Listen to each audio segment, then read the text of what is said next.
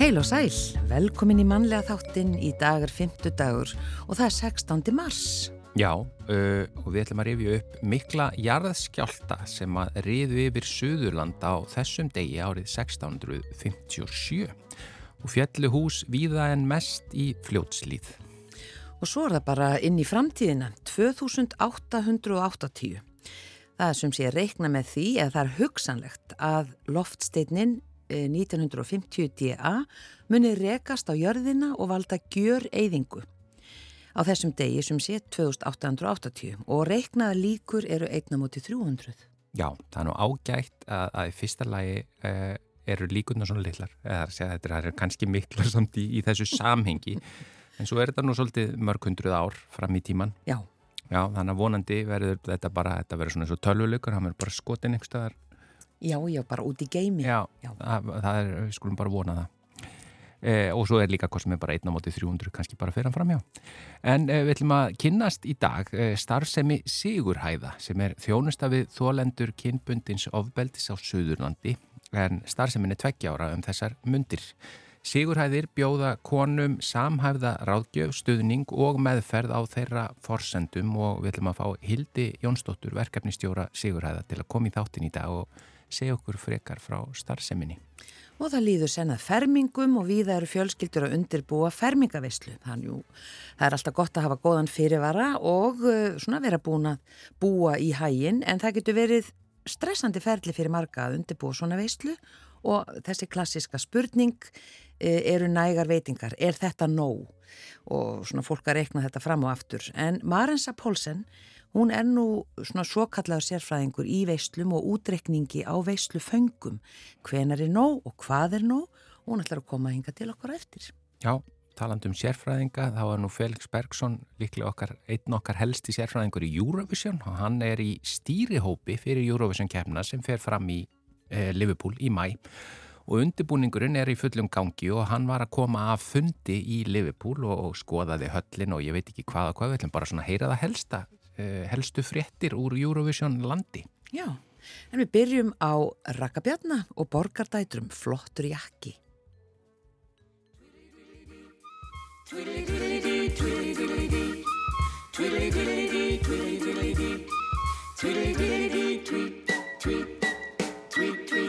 fekk eitt í jakka svo ég fór í hann og flesta stelpur þráðu heitt að hitta þennan mann sem vildi bara hlusta á hið vilt að být Ég vildi bara jakka úr Tweet, tweet, tweet Flottur jakki. Tweet, tweet, tweet. Flottur jakki. Tweet, tweedly Ég átti lakri spindi og skiltar hún var skjanna hvít.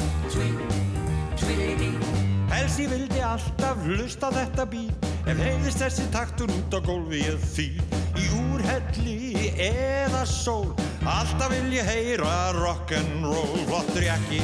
Tweet, tweet flottur jakki. Ég átti lakri spindi og skiltan hún var skjanna hvít Buksunar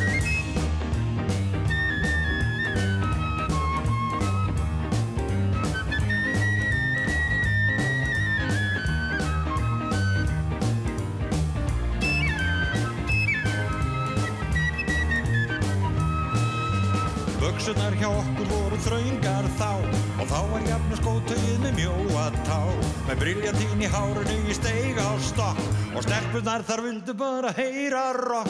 Ég fekk eitt sem jakka svo ég fór í hann. Flesta stelpur þráðu heitt að hitta þennan mann Sem vildi bara hlusta vilt að bí Ég vildi bara jakka úr tweet, tweet, tweet Flottur jakki. Tweet, tweet, tweet. Flottur jakki. Tweet, tweet, Ég átti lakri spindi og skiltan var skjána hvít. Tweet Buksunar hjá okkur voru þraungar þá Og þá er jafna skótauðið með mjóa tá. Og briljantín í hárunu í steig á stokk Og stelpunar þar vildu bara heyra rock Ég fjekk eitt sem jakka svo ég fór í hann Og flesta stelpur þráðu heitt að hitta þennan mann Sem vildi bara hlusta á hið vilda bít Ég vildi bara jakka úr tweet, tweet, tweet Flottur jakki. Tweet, tweet, tweet. Flottur jakki. Tweet Tvillingi Ég átti lakrisbindi og skilta hún að skjanna hví Tvill, tvillingi, tvillidillidi Tvillidillidi, tvillidillidi Tvillidillidi, tvillidillidi Tvillidillidi, tvill, tvill, tvill, tvill Já, eins og við sögðum frá í upphafi þá ætlum við aðeins að kynna okkur starfsemi Sigurhæða þjónustu við þólendur kimpundis ofbeldis á Suðurlandi sem er einmitt tveggja ára starfseminn þar að segja er tveggja ára þessa dagan og hingaði komin Hildur Jónsdóttir verkefnistjóri Sigurhæða. Velkomin í manlega þáttir. Takk fyrir að leiða mér að koma. Og til hafmyggjum með þetta tveggja ára ammali. Já, takk fyrir það. Mér finnst þetta að vera stóra ammali. Já, mm. og það, já, þið eru komin ansi langt með að, það sé ekki lengri tími, en segð okkur aðeins svona sögu Sigurhæða. Já, Saga Sigurhæða, hún byrjar í Sóra Optimista klúpi Suðurlands, já. sem er einn af 19 klúpum á landinu sem samanmynda landsamband Sóra Optimista. Sóra Optimista, sko, sumi finnst þetta skrítið nafn og fara að tala um Sóriasis. Já, eða optimista, einhvað jákvæðnis. Já, já, en þegar fólk sko fær útskýringa á því hvernig nafnu er komið til, þá manna það. Það sór er latinst uh, forsketi fyrir sístur og svo optimisti er bara sá sem vill það besta. Þannig að við erum sko konur fyrir aðrar konur. Já, sistralag hins besta. Já, sistralag í þáu annara sistra og hvenna. Og það er einmitt eh, aðalatið í okkar stefnugrundvelli er að vinna í þáu kvenna, já brettis og mannréttinda og gera það með því að leggja áherslu og það er legt mikið upp úr því, leggja áherslu á heimabygð og svo heimaland og svo einni og alþjóðavettvangi. Og við erum alþjóðasamband líka sem er með sko svo optimista starfandi 122 löndum. Og til dæmis eru við núna búin að vera að sko senda aðstóð til Úgræinu og á járskjáltasvæði núna síðast. Og þannig að við vinnum alþjóðlega líka starfandi 122 löndum sem svo ég sagði. Um, en hérna á Íslandi þá sem sagt er Sóra Optimista klúpu Suðurlands sem reyku Sigurhæðir og við vorum nú bara eitthvað um 25 konur vorið 2020 þegar við tókum umræðuna um það hvað við getum gert meira og betur í þáu kvenna Já. og í þáu heimabíðar og við erum sem sagt uh, Suðurlandsklúpur. Þannig að staðan á þeim tíma, það var ekki mikið um úrræði eða hvað? Ekkert Suðurlandi? Ekkert sérha, sérhaft úrræði fyrir þólendu kynbundis ábeldis um gerðvalt Suðurland Já. og þær sem vildu gera eitthvað í sínu málum og leita sér hjálpar þurft að fara yfir heiðina. Já. Og við vorum alltaf undir áhrifin frá, það var uh, þá mikil áhrif af MeToo umræðinni. Um, stóra rannsóknin áfallasaga Kvenna hafði líka mikil áhrif á okkur og sem síndi fram á hvað kynbunduð ofbeldi á stóran þátt í áfallasögu Kvenna almennt Já. og hverjar afleifingar þessara áfalla eru uh, bæði á líkamlega, andlega og félagslega heilsu. Og við litum í kringum okkur og spurðum okkur hvað vantar á Suðurlandi og við, við vildum líka fara út í stærri verkefni. Og við vorum ekki lengi að komast að því að ef við vildum virkilega hafa áhrif á samfélagið og hafa áhrif á lífkvenna þá myndum við beita okkur gegn kynbundnu ofbeldi. Og við okkur fannst við svona standa á herðunum á öllum öðrum sem hafa verið að vinna gott starf í þessum máluflokki, Stígamót, Bjarkarhlíð í Reykjavík, Bjarmarhlíð á Akureyri, Rótin og, og fleiri svona samtök. En við, við, okkur fannst við líka geta tekið mið af nýjustu þekkingu og þar er ég aðalega að vísa til e, e, þekkinguna á áfallamiðari nálgun og nöðsin áfallamiðara nálgunar.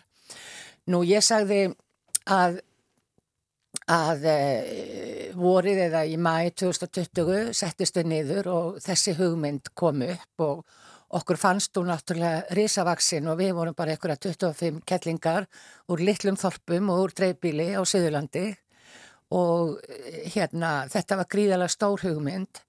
En við meldum hana yfir sumarið og í september var bara samþygt að ráðast í þetta og klúpurinn algjörlega einhuga um það. Já.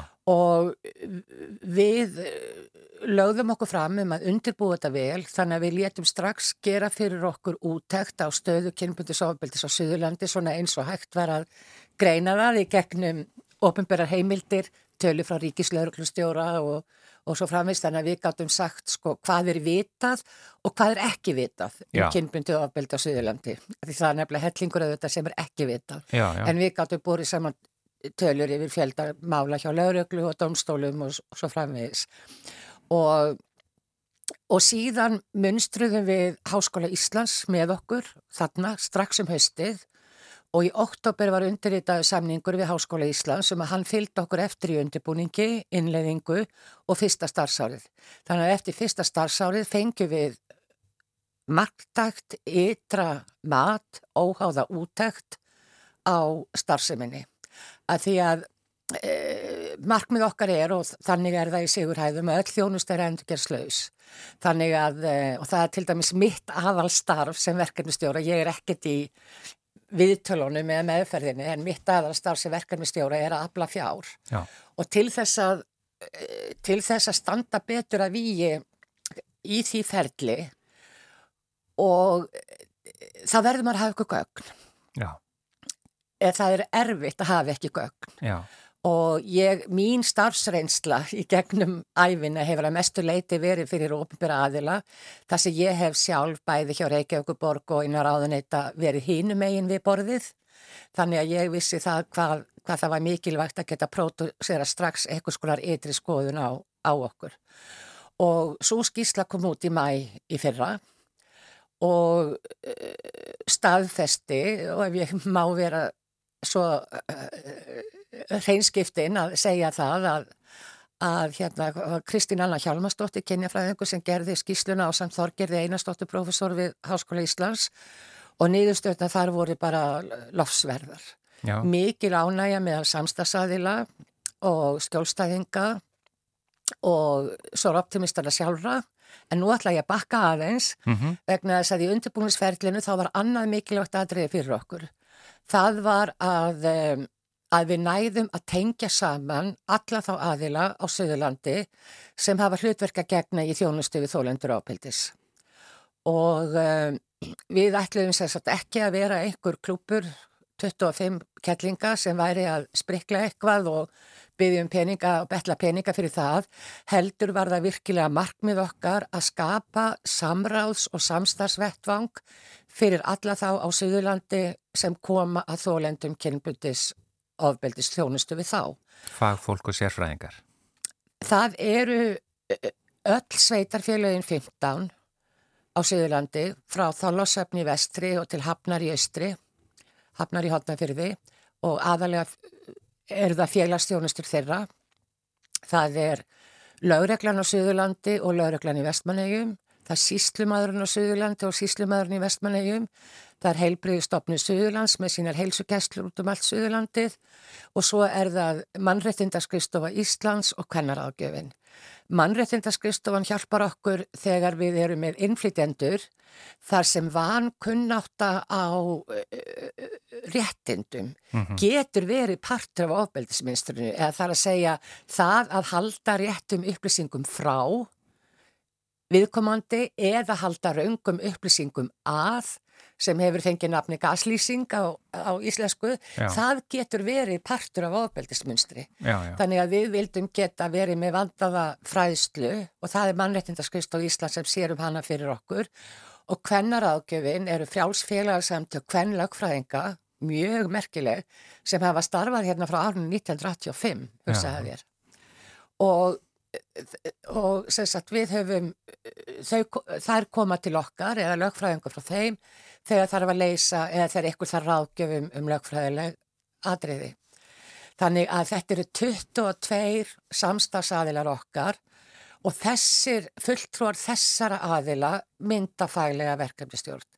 Þannig að, þannig að þó svo að Sóra Optimistaklúprin hafi tekið frumkvæðið og enn sem komið er, hvað svo sem setna verður, ber eitt fjárhastlega ábyrð á rekstrinum, þá er þetta orðin sameign sunnlendinga og stopnana á Suðurlandi til að geta betur þjónustað íbúa svæðisins og náð markmiðum á sviði heilsueflingar og lífsgæða og velferðar.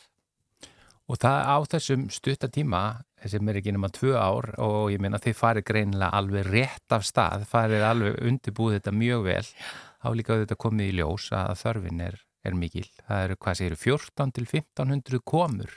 Já, það, þetta eru um 200 konur sem hafa verið hjá okkur og eru það, og þjónustuframbóðið eða meðferðarframbóðið er svo mikið að það eru hjá okkur í langan tíma. Við erum að því leytum til mjög ólíkar öðrum þólendamiðstöðum. Mm.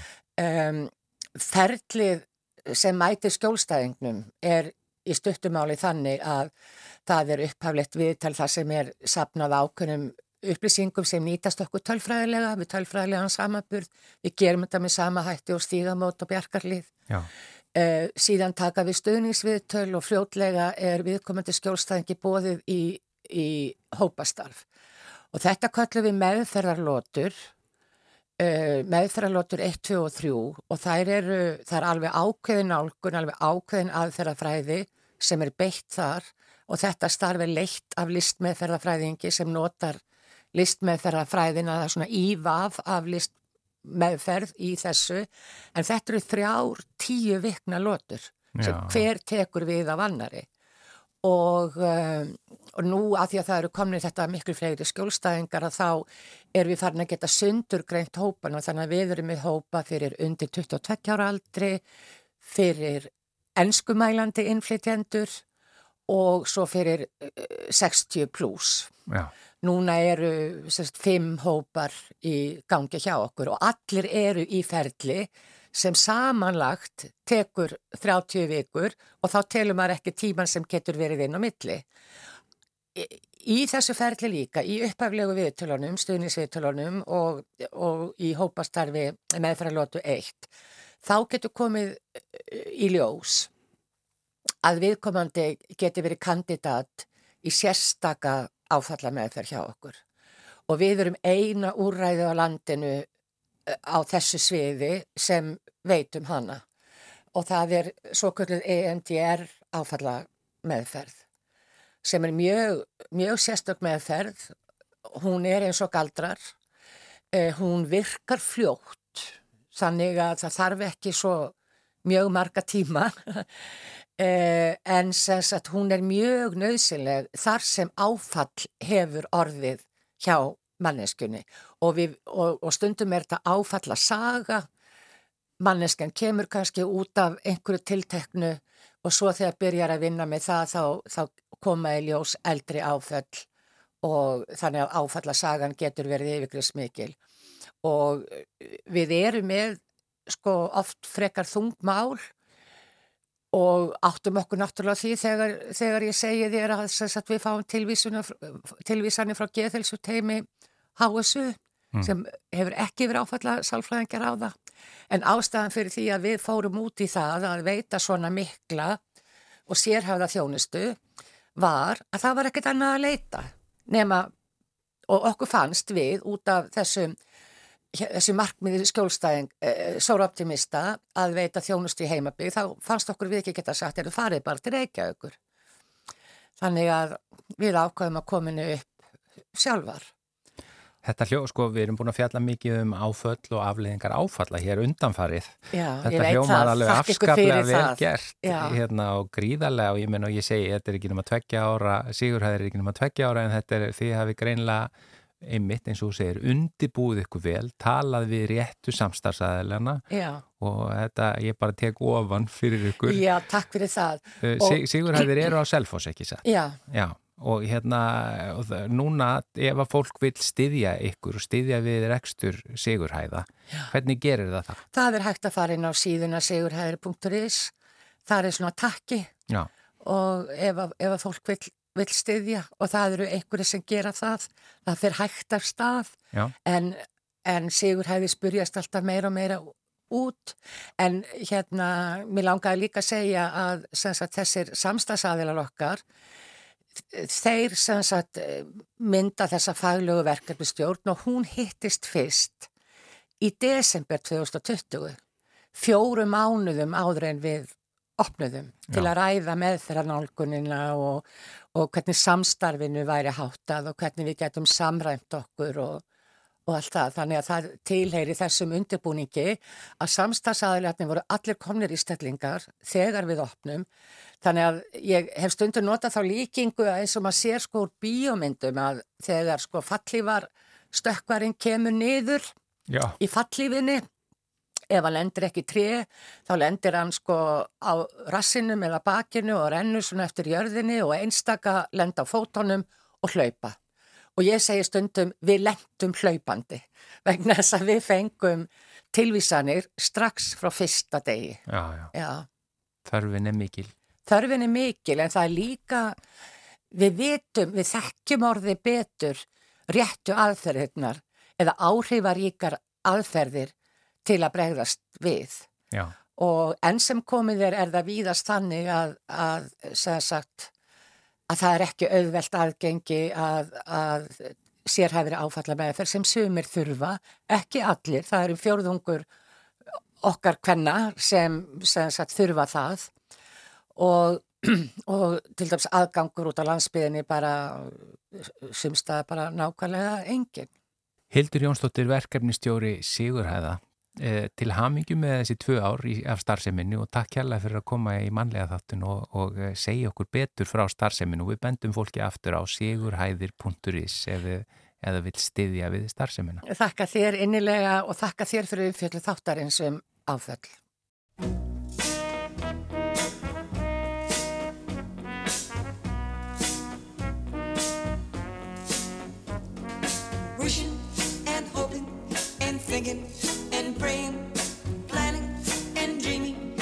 Night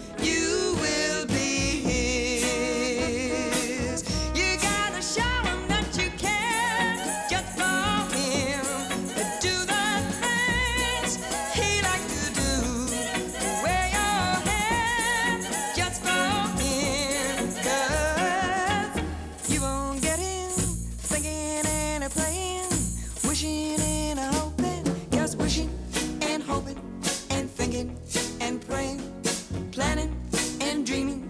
His kisses will start that won't get you into his heart. So if you're thinking of great true love is, all you gotta do is hold him and kiss him and squeeze him and love him. Yeah, just do it. And after you do,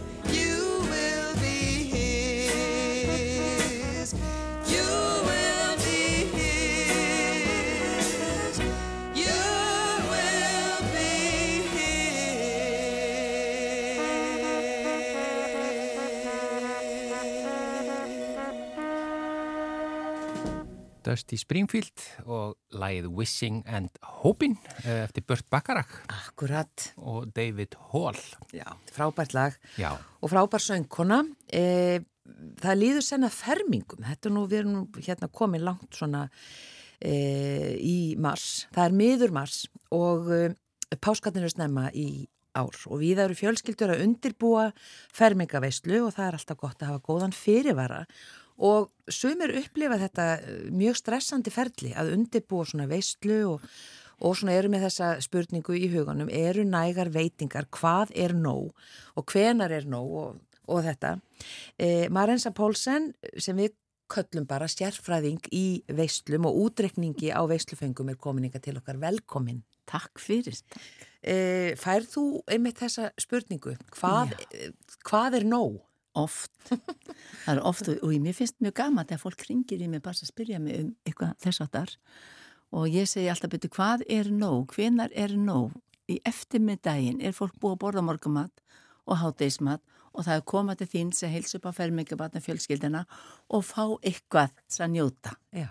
Það er ekki komið heila máltíð og það er mjög mikils virði og mikils, mikil, mikilvægt að hugsa þetta. Fólk er að koma til þess að njóta að vera með okkur en ekkert þess að fá sér að borða endilega, ég held ekki. Það er þessi setning sem að foreldrar hafa heyrt, heyrst, segja við börni sín, borðiði nóg, svo við þurfum ekki að borða kvöldmatt. Já, í svona veist. Já, hafið ekki heyrt þetta? Nei, ég ekki heyrt þetta. En eflaust, eflaust, eflaust, eflaust, en ég held alls ekki. Og það er mjög hérna, þegar maður er útbúið heima, finnst svo skemmtilt að fólk er að takast á þetta heima hjá sér, því þetta er ekkit flókið. Að skipta mestu máli ger ekki meira en það sem maður ræður við.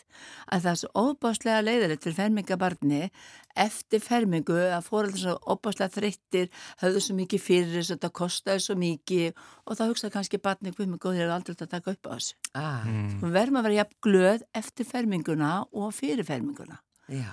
Þannig að það, mér finnst hérna það stundum gleymast að maður kemur úr kirkjur, maður er ekki tíma til þess að vera með barnina því það er svo mikið að gera Já. að við erum að gera allt sjálf og þá er maður að gera meira maður ræði við.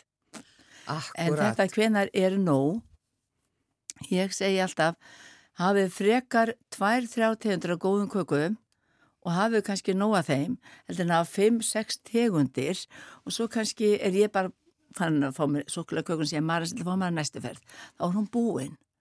Þú veist, að kláraðist hún. Mm. Búin frekar til einhverja þrjár góðar tegundir og tvær, þrjár tegundir af hverju kökunni. Það er svo miklu auðveldara fyrir hérna þann sem að útbýr þetta að baka sömu kökuna og frista núna bara tilbúin eða botnana auðvelda útbúa og klára deinum áður Já. en maður þarf að hafa meira brauðkins að því að hérna og það er mjög gaman að fylgjast með því fólk að borða minna sætt Já. Hefur það alltaf verið þannig? Nei, það, þróun? hefur ekki verið þannig Nei. ef, nú hugsa ég kannski langt aftur í tíman en, en það undanfærin ár er það mjög svona meira áberandi að brauðmeti eða sem sagt, eða eitthvað ósætt er vinsætla Mm. og það er vegna sem fólk er búið að draga úr sikri og sem er bara mjög jákvægt og fullt af börnum veist, þau er ekkert að sækja í kökurnar eins og sem ég gerði og, og hérna, kannski mín börn. En mikið frekar að, að búa til eitthvað og þegar maður er með börni með sér hugsa hvað borða börn? Þau eru ekki að fara í snittunar eða brautertunar búin þá frekar til hérna skinkuhornin eða pizzasnúða eitthvað sem þau taki í hendina að þau nenni heldur ekki setjast niður og borð, þau vilja bara hlaupa um og fást þau ykkur að borða eitthvað og það er ágætt að hugsa þetta þannig Ég segi stundum, búið til eitt borð fyrir börnin sem er þá apsinsafi að kókumjölk eitthvað og eitthvað fyrir þau að borða. Aha. Þau elska þetta. Þannig að fá líka fóröldarinn aðeins frið í sínu. En maður hugsaður oft um að hafa eitthvað þrennt, þrennt sem er þá brauðkins og eitthvað tvent sætt. Og það getur verið kannski bara ein terta, fermingaterta, núna komnar aftur kransakökur og mér finnst það skemmtilegt. Já, er já. Og svo má bara vera eitthvað sem er svona bara, þú tekur í hendin, eitthvað svona minna. Getur verið, þú getur búið til góða skúfuköku og búið til gott krem eða gulrótaköku skúfu og skorið hann í litla bita. Og meira að segja, meira þegar tvær þegar tegund sem hún gerir, vera þannig. Oft býr fólk þannig það getur ekki allir setið og þá getur haft svona standandi sitjandi bóð. Þannig að þú þarft ekki að setjast niður með gaffallin að borða. Heldur getur þú tekið diskinn og stungi upp í því eða farið aftur aftur að borðinu. Mm. En að hafa eitthvað svona tvent-trent sem, hérna, sem er þá hérna, eitthvað brauðkins eða ekki sætt og þá getur verið mjög sniðut ef þú ert með hérna, hérna graflagstartar til dæmis Mm. sett hann bara á fat sósuna undir og, og, og, og hérna kötta niður eða skelu niður í kuppa lagsin, sett hann ofan á og skreita og svo er þetta bara með brauðkörfu eða rökkbrauð fólk getur sett á, þá hefur við minna fyrir þessu og hérna Já, það er svolítið sniðt og þá líka þarf þetta ekki að standa og verða svona Nei. blöytt sem að margir... ekki, þú getur þetta þetta er gert einn máður, mm. Mm. bara í kæli og eins það að þú getur búið til uh, gott hummus til þess að gera hummis aðeins meira, þá getur þú sett í það hérna avokado, maukaði með og ég byrja basiliku og setja byrja líka svona fat og setja bara svona góða ólí yfir og, og eitthvað grænt. Við við beigð hérna mö- mauka avokado og svo úti að blanda það Já, við. blanda það Vá. við hummusin og, og hérna, eins hérna basilikun, hugsa ykkur þetta brað, hvað þetta er flott saman. Já, og, og svo fer það bara líka á svona eitthvað svona fat með brúna á, svo bara einhverja góða ólí yfir og eitthvað svona grænt skreita og fólk fæst sér svo bara ofan að brauðið. Þetta er alveg eins gott og að fara að búa til einhver brauðir með fullt að krem, öðna, hérna salati. Þannig að þú getur gert ýmislegt svona Mm. til þess að auðvelda þér. Og, og maður hugsa þetta að fólk er að gera heima og hefur lítið geimsluplás en þá áttu þetta til og þetta enga stund að setja í fötin, þú veist, hérna morgunin eða eitthvað. En þetta má gera deginum áður, Já. það er bara alveg jafn gott. og getur kannski verið sniðut eða á þetta saman við ef þú kannski ætlar að hafa blíni, svona lítil blíni. bara það getur þú baka bara mánuði fyrir og setja frist. Já, og þú getur þá raða því Já, bara og svo disk, tekum maður úr þessum Já, skálum já, til þess að setja á. já. Já. Mér finnst sko brauð Akkúrat. eh, réttirnir, það er að segja heitur brauðréttur og svo brauðtertunar. Mér finnst það best. Já. Mér finnst það betra en kökurnar og það. Það er bara... En fólk borða það auðvitað ekki síður Já. og þetta með, með heiti brauðréttina, þe- þeir líka mjög auðveldir Mm. og ef þetta gera brauðtertu og kannski brauðrétt líka, Mhm. þá sker maður svolítið af brauðinu þegar maður býlir brauðtertuna, þá getur nota afskurnin í heitaréttin að þú getur sett það bara í botni þó að sé skorpan, hún er ekki hörð af fransbrauði, alls Mhm. ekki, eða helgvitsbrauði og svo kemur alltaf gúmulaði ofan á og í flestum svona tilfellum eitt svona eldfast mót sem er kannski, hvað getur maður það svona tveir lítrar eitthvað svo leis það er alveg tól manns að fá sérna skeiður því Já. En hvað, er, er sko brauðréttin þessi heitu brauðréttir, þessi típisku sem að, hérna, og, og e, brauðtertunar, er þetta ekki komið frá Danmörku eða Noregi eða eitthvað sko, slíkt? brauð, það er svolítið gaman að hugsa að þetta, ég held að þetta væri Íslands fyrirbæri þegar ég kom til Íslands. Já, en þetta kemur frá Svíþjóð. Nú frá Svíþjóð. Já. þeir hafa alltaf búið til smurgóstertor Já, en þeir og svo út, kemur þetta hvernig við erum, svo útfæri maður það að sínu. Hva- hvað er svona íslenska við, uh, Það er íslenska útfærsla? salatið. Íslendingar elska sósur og salat Já, já, já, og ég held að það sé mjög þjóðlegt Mm. og þjóðlegt. já, Viðbúandi brautertu með miklu salati, laxasalati, rækisalati, skinkusalati, hangjut, allt þetta, mm það gerir svíðarnir ekki. Já. Þeir eru bara með brauð og svo smyrja þeir með rjómaosti, svo setja þeir skinkun og ofan á og eitthvað annað og næsta lagi eftir með sinnebi og eitthvað áleg og eitthvað svona.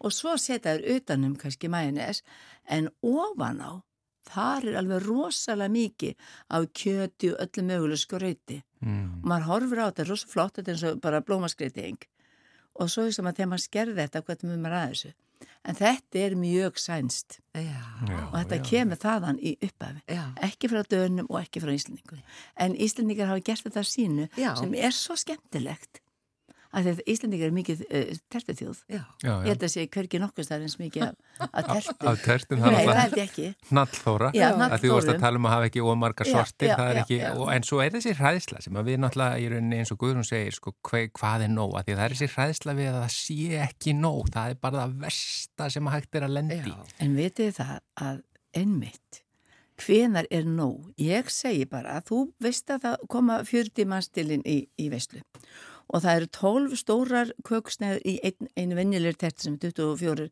cm form. Það eru 12 sneiðar Mm. og svona stóra sneið taka fæstir þannig að þú getur sagt að ja, það er allavega átján sneiðar í einn svona köku og einu svona tertisneið ef þú hugsaður um því, hvað bara þú? Ég fæ mér ekki fjórar af þessar sömu, það gerir þú ekki. Þú færður eina og svo færður eina hinnu en svo færður þetta brauð og kannski eitthvað pínlítið sætt til viðbóta og þá er gott að vera með litla kransakökur, þess vegna einhver skemmtilega smákökur, sörur eða eitthvað sem er að gera fyrir jólin, þetta er líka skemmtilegt að hafa sem auka bita, mm. sæti bita í fermingavislinu. En brauðið, ef þú tekur eina brauðtertu sem er búa til svona eh, ferkanda brauðtertu og þá eru kannski tvær svona langar brauðsneiðar Já. Mm í og svona brauðtertu er alveg fyrir 15 átja manns. Já. algjörlega. Og þetta eru þrjúlu undateknikalöst það er brauð, salat, brauð, salat aftur brauð. -hmm. og þetta er kannski 20 manns að taka af þessu. Meina það er ekki allir að taka stóra sneiðar. Held, allavega það ekki mín reynsli í dag. Fólk borðar öðruvísi, það fæði sér lítið, það nýti þess að fá bragði og smakka og þess vegna er svo gaman að búa til mat í dag. Að þegar maður upplifir það að gestunum finnst svo gaman að smakka, hann, en, en þú veist, þegar maður setur mikið að diskin sinn, þá bara borða maður það. Maður pælir ekki eins mikið í bragðinu. Nei. Nei. En það er breytingin og er mjög skemmtilegt. Já, bara ein í lokina þegar við fengum símtal í morgun e, frá einni sem spurði sem er með mat fyrir 50 manns e, hvort hún ætti að kaupa 50 manna fermingatertu til að hafa í desert Nei, nei, nei, 30. 30 Alveg nóg. Já, vegna þess að þá er það settur. Já, Já, búin já, að fá já. matinn og þá er þetta lítla desertið sem kemur á eftir. bara með smá kaffi Smá kaffi og, og þetta er svo stóra kökur. Og, te, og maður er svo sætt. Satt? Já, Já. þú tekur Ég- ekki stóra sneið Nei, alls ekki. Og svo má klára og það er bara gaman, fólk borðaði matið minn. Við ætlum ekki að hafa þess að sóun og skilja mikið eftir Já. og, og dreifast út um allt eða borða fermingavisli marga daga. Takk fyrir þetta Marensa Pólsen kannski þurfum við bara að fá þig aftur Já, já, fyrir fermingarna þegar Gæti verið. En þetta voru Bara- góð ráð á þessum tímapunkti takk fyrir. Takk, takk, Takk.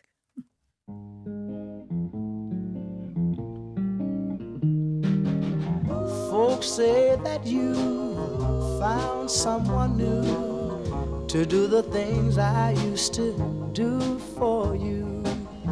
Just call my name, I'm not ashamed. I'll come running back to you. Hmm. Can't sleep at night, I can't eat a bite. When you were mine, I didn't treat you right. Just call my name, I know, I know I'm not ashamed. I'll come running back to you. Just like a king, I've lost everything. I sit all alone on my throne. I've got my pride, but deep down inside, I'm yours and yours alone. Whoa, have no regrets. This love of ours could always start anew. Just call my name, whoa, I know I'm not ashamed. I'll come running back to you. Just like a king, I've lost everything. I sit all alone on my throne. I've got my pride, but deep down inside, I'm yours and yours alone. Whoa, I try to forget, have no regrets. This love of ours could always start anew. Just call my name, I know, I know, I know I'm not ashamed. I'll come running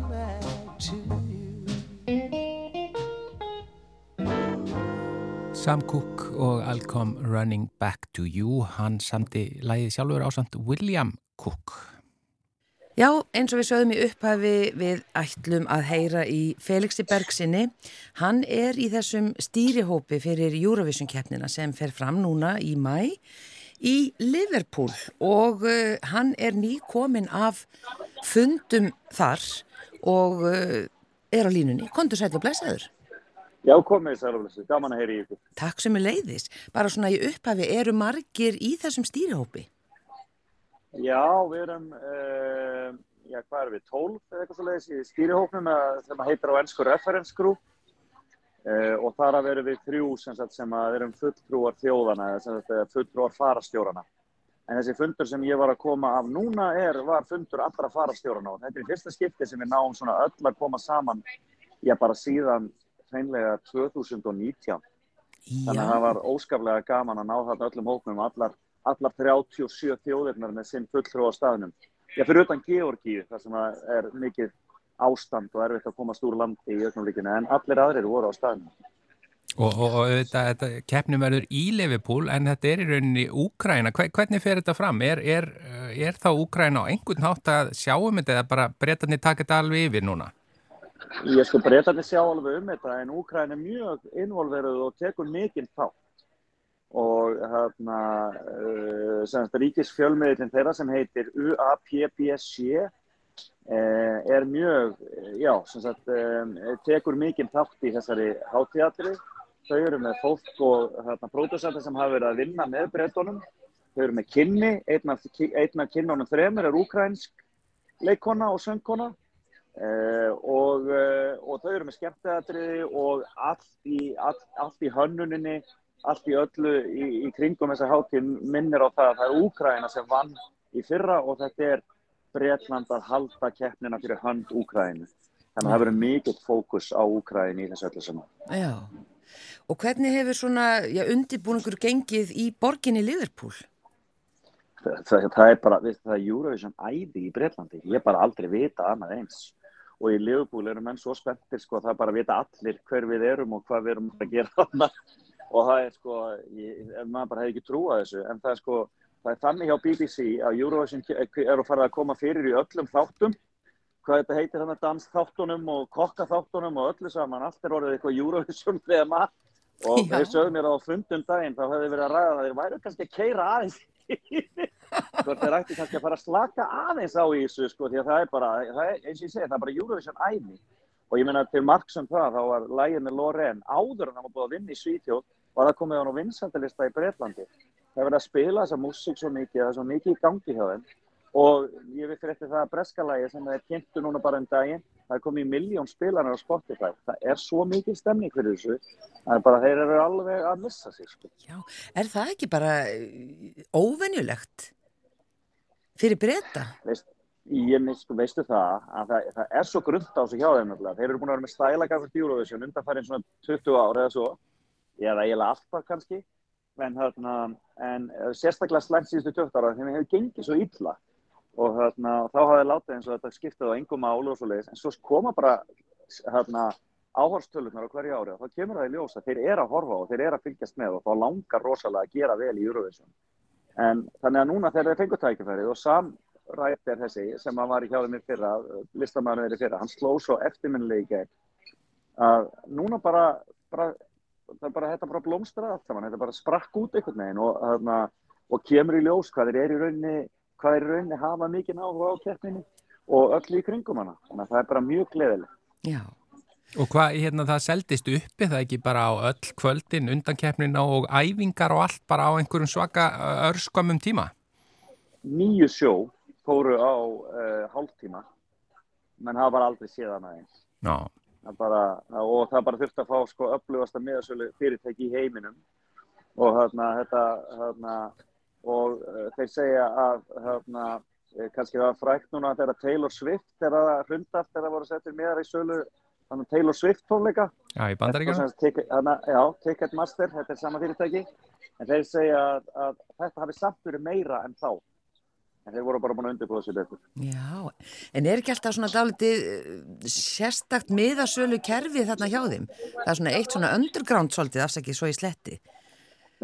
Það sem eru svona er- fáir sem kaupa mikið að miðum og svo er þetta selta uppsprengdu verði. Eru, hafa minn ágjör af því? Já, það var, var bannað að kaupa og marga með og menna Íslendingar sem reyndu að fara í röðina, þeir fundu alveg fyrir því. Ég fætti á einhverjum áttamanna hópi sem alltaf saman og þau fengu fjóra með það en það náðu ekki fleiri sko. Þannig að þú veist, þetta er bara, það er vandamáli sko. Það mátt ekki kaupa of marga með það. Ég held að það mátt kaupa, já, max fjóra eitthvað svo leiðis. Þannig að, þannig að það er nú reynd að koma í veg fyrir þetta.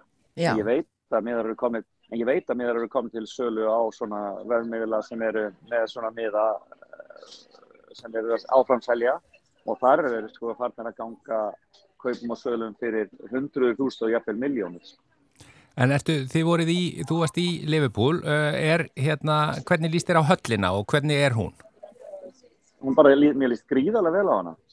Þarna, þarna, þetta er bara ógeðslega flott höll hjá þeim og alveg eiginlega bara svona með, með svona draumastafi fyrir þessa, þessa, þessa framkvæmd.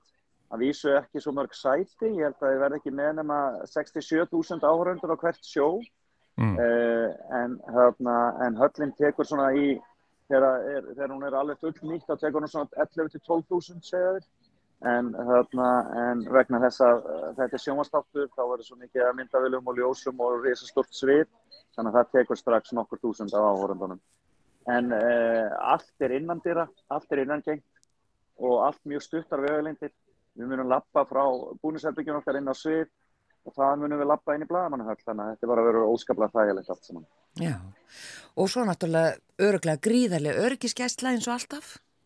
Já, gríðarlega og þeir loka öllu, ég held að séu sex vikum fyrir viðbyrð þá búið að loka öllu hérna í kring og þarna fylgjast vel með því að ekkert, ekkert komi inn sem að má ekki fara þarna inn.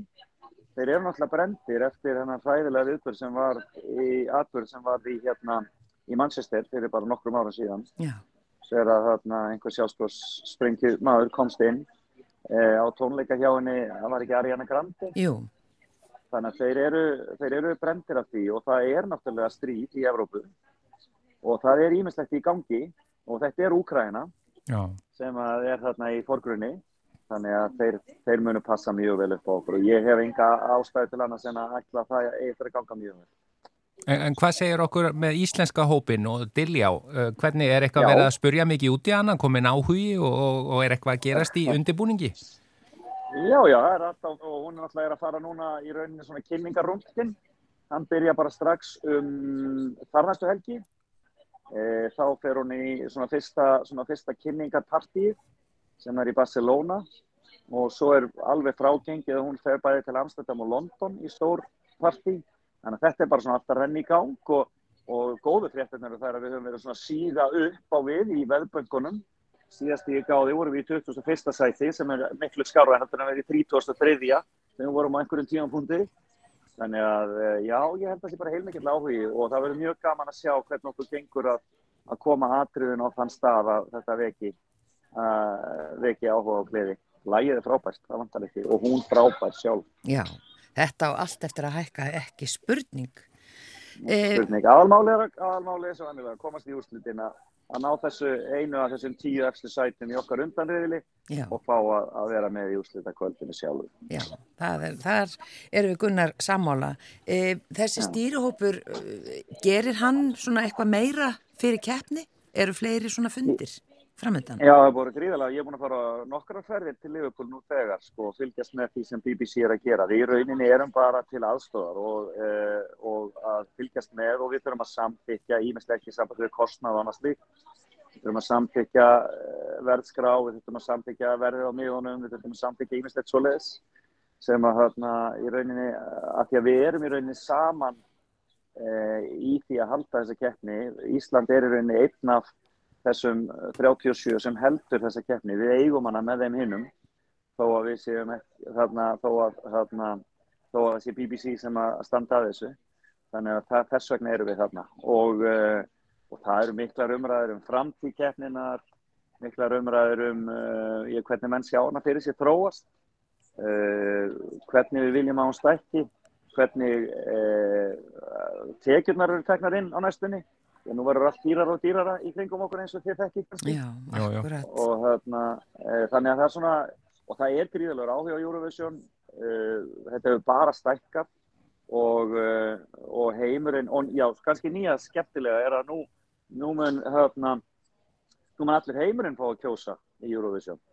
Það verður búin til einn, einn, hérna, einn kategóri í viðbót sem heitir e, restin af heiminum, eða rest of the world og uh, sem sagt að þar mega allir sem eru ekki meðal þessara 37 þjóða uh, fá að kjósa.